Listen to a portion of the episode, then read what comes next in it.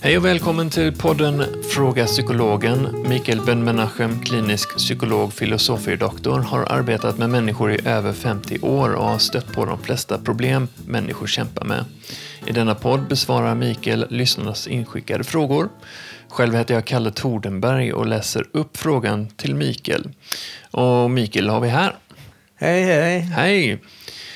Så en förälder har skrivit eh, lite undran om nu har de en, ett barn som börjar, vad jag förstår, runt ett och ett halvt års åldern eh, utveckla dialog, eh, mer kommunicera med föräldern och eh, undrade vad ska man tänka på där när det, den relationen börjar dyka upp?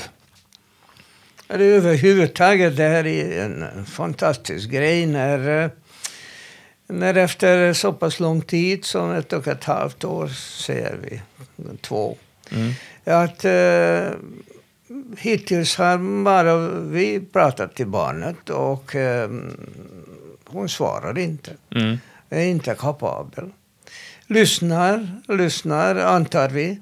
Eh, Så vi upprepar vissa ord, eh, framförallt just det här med mamma och pappa och eh, lite andra ord som, som fastnar eh, långsamt hos barnet. Och så helt plötsligt så börjar barnet prata. Eh, Det, det varierar när eh, hon är redo. Mm.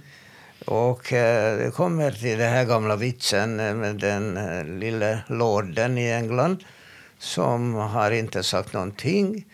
Eh, och eh, åren går och han är redan fem år gammal och har inte sagt någonting. Mhm. Och eh, föräldrarna är mycket oroliga och går med barnet till olika läkare och psykologer och försöker lista ut vad som är fel.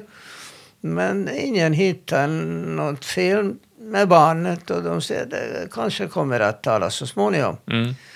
Så en dag så sitter de och dricker eftermiddagste te och så lille lorden plötsligt öppnar munnen och säger eh, det finns inget socker här.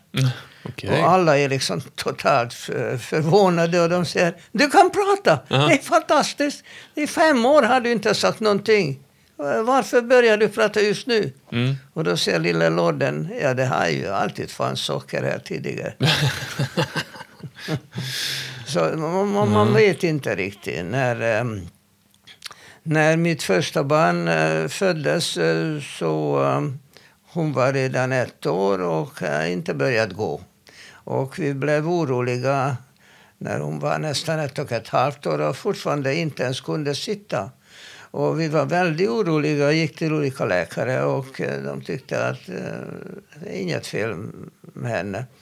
Eh, kommer att gå så småningom. Men du vet, eh, föräldrarna är ju alltid oroliga för att de känner inte till eh, hur, hur det brukar gå. Framförallt första barnet eh, så är de mycket oroliga. Och ehm, så det hände då att, eh, att jag jag köpte en ny radio i den tiden. Så det var radio som gällde. Och eh, barnet blev fascinerad av, eh, av de här knapparna. Men det nådde hon inte.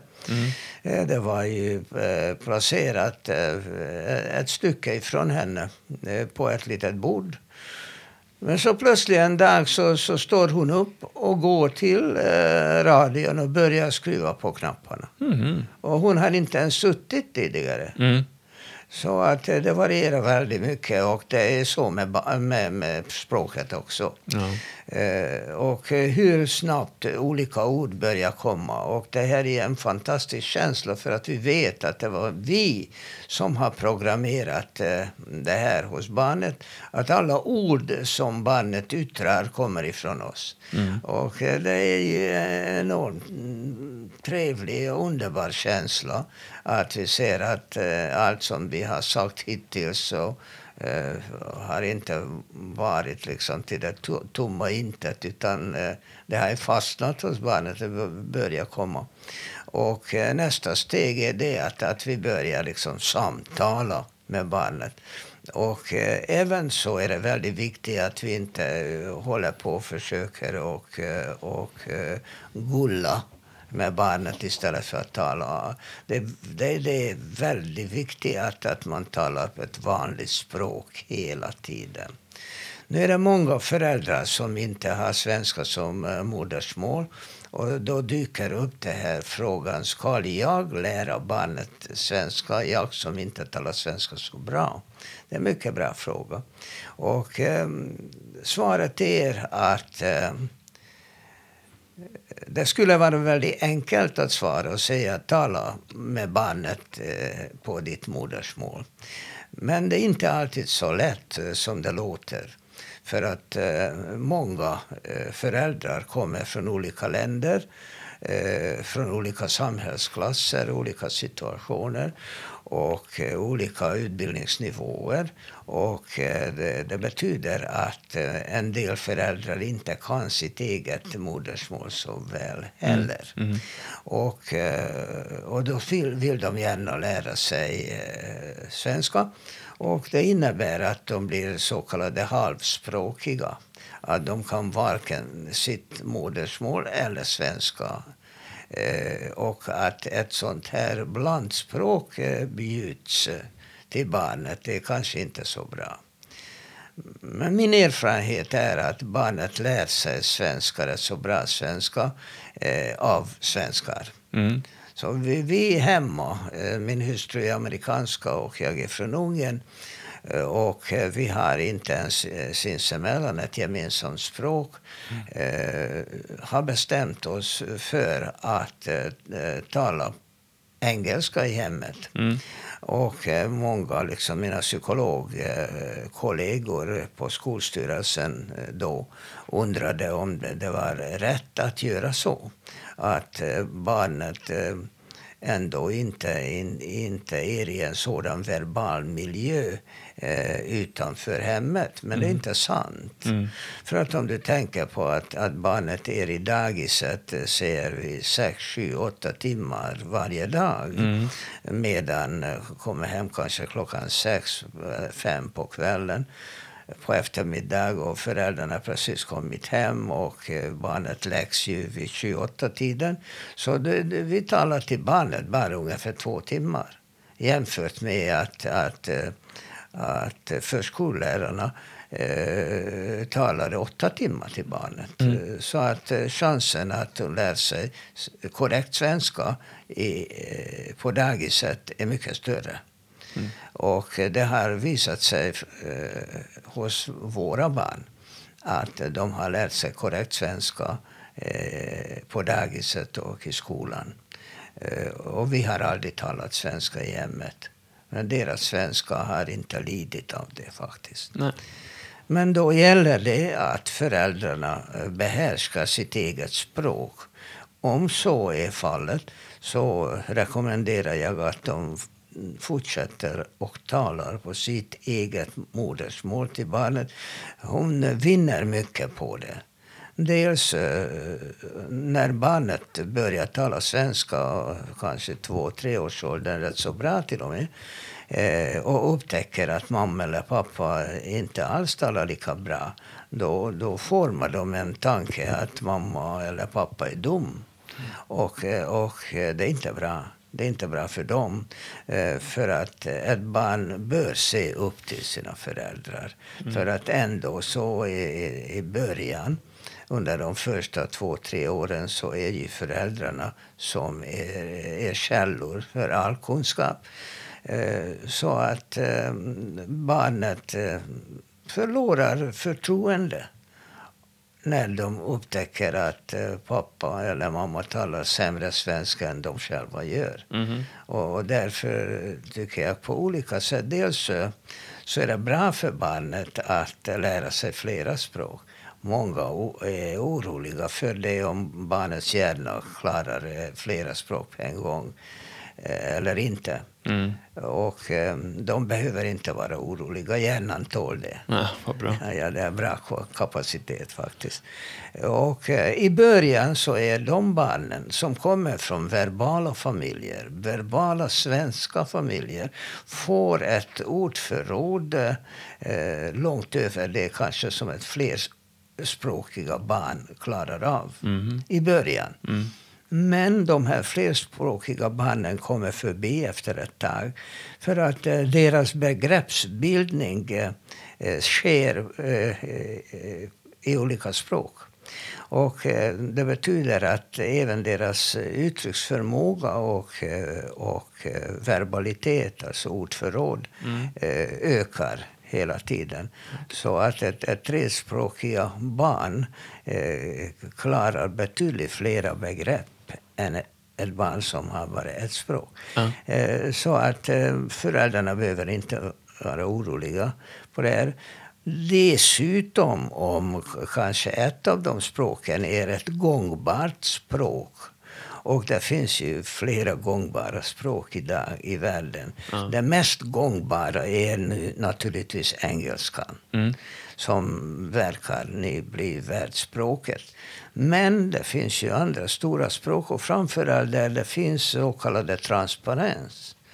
Och eh, jag hade en god vän som har skrivit en bok om det här som heter Att lära sig språk. Mm. Och det var en oerhört eh, fascinerad mm, bok Mm. som visar att om man väljer språk väl så kan man vinna väldigt mycket.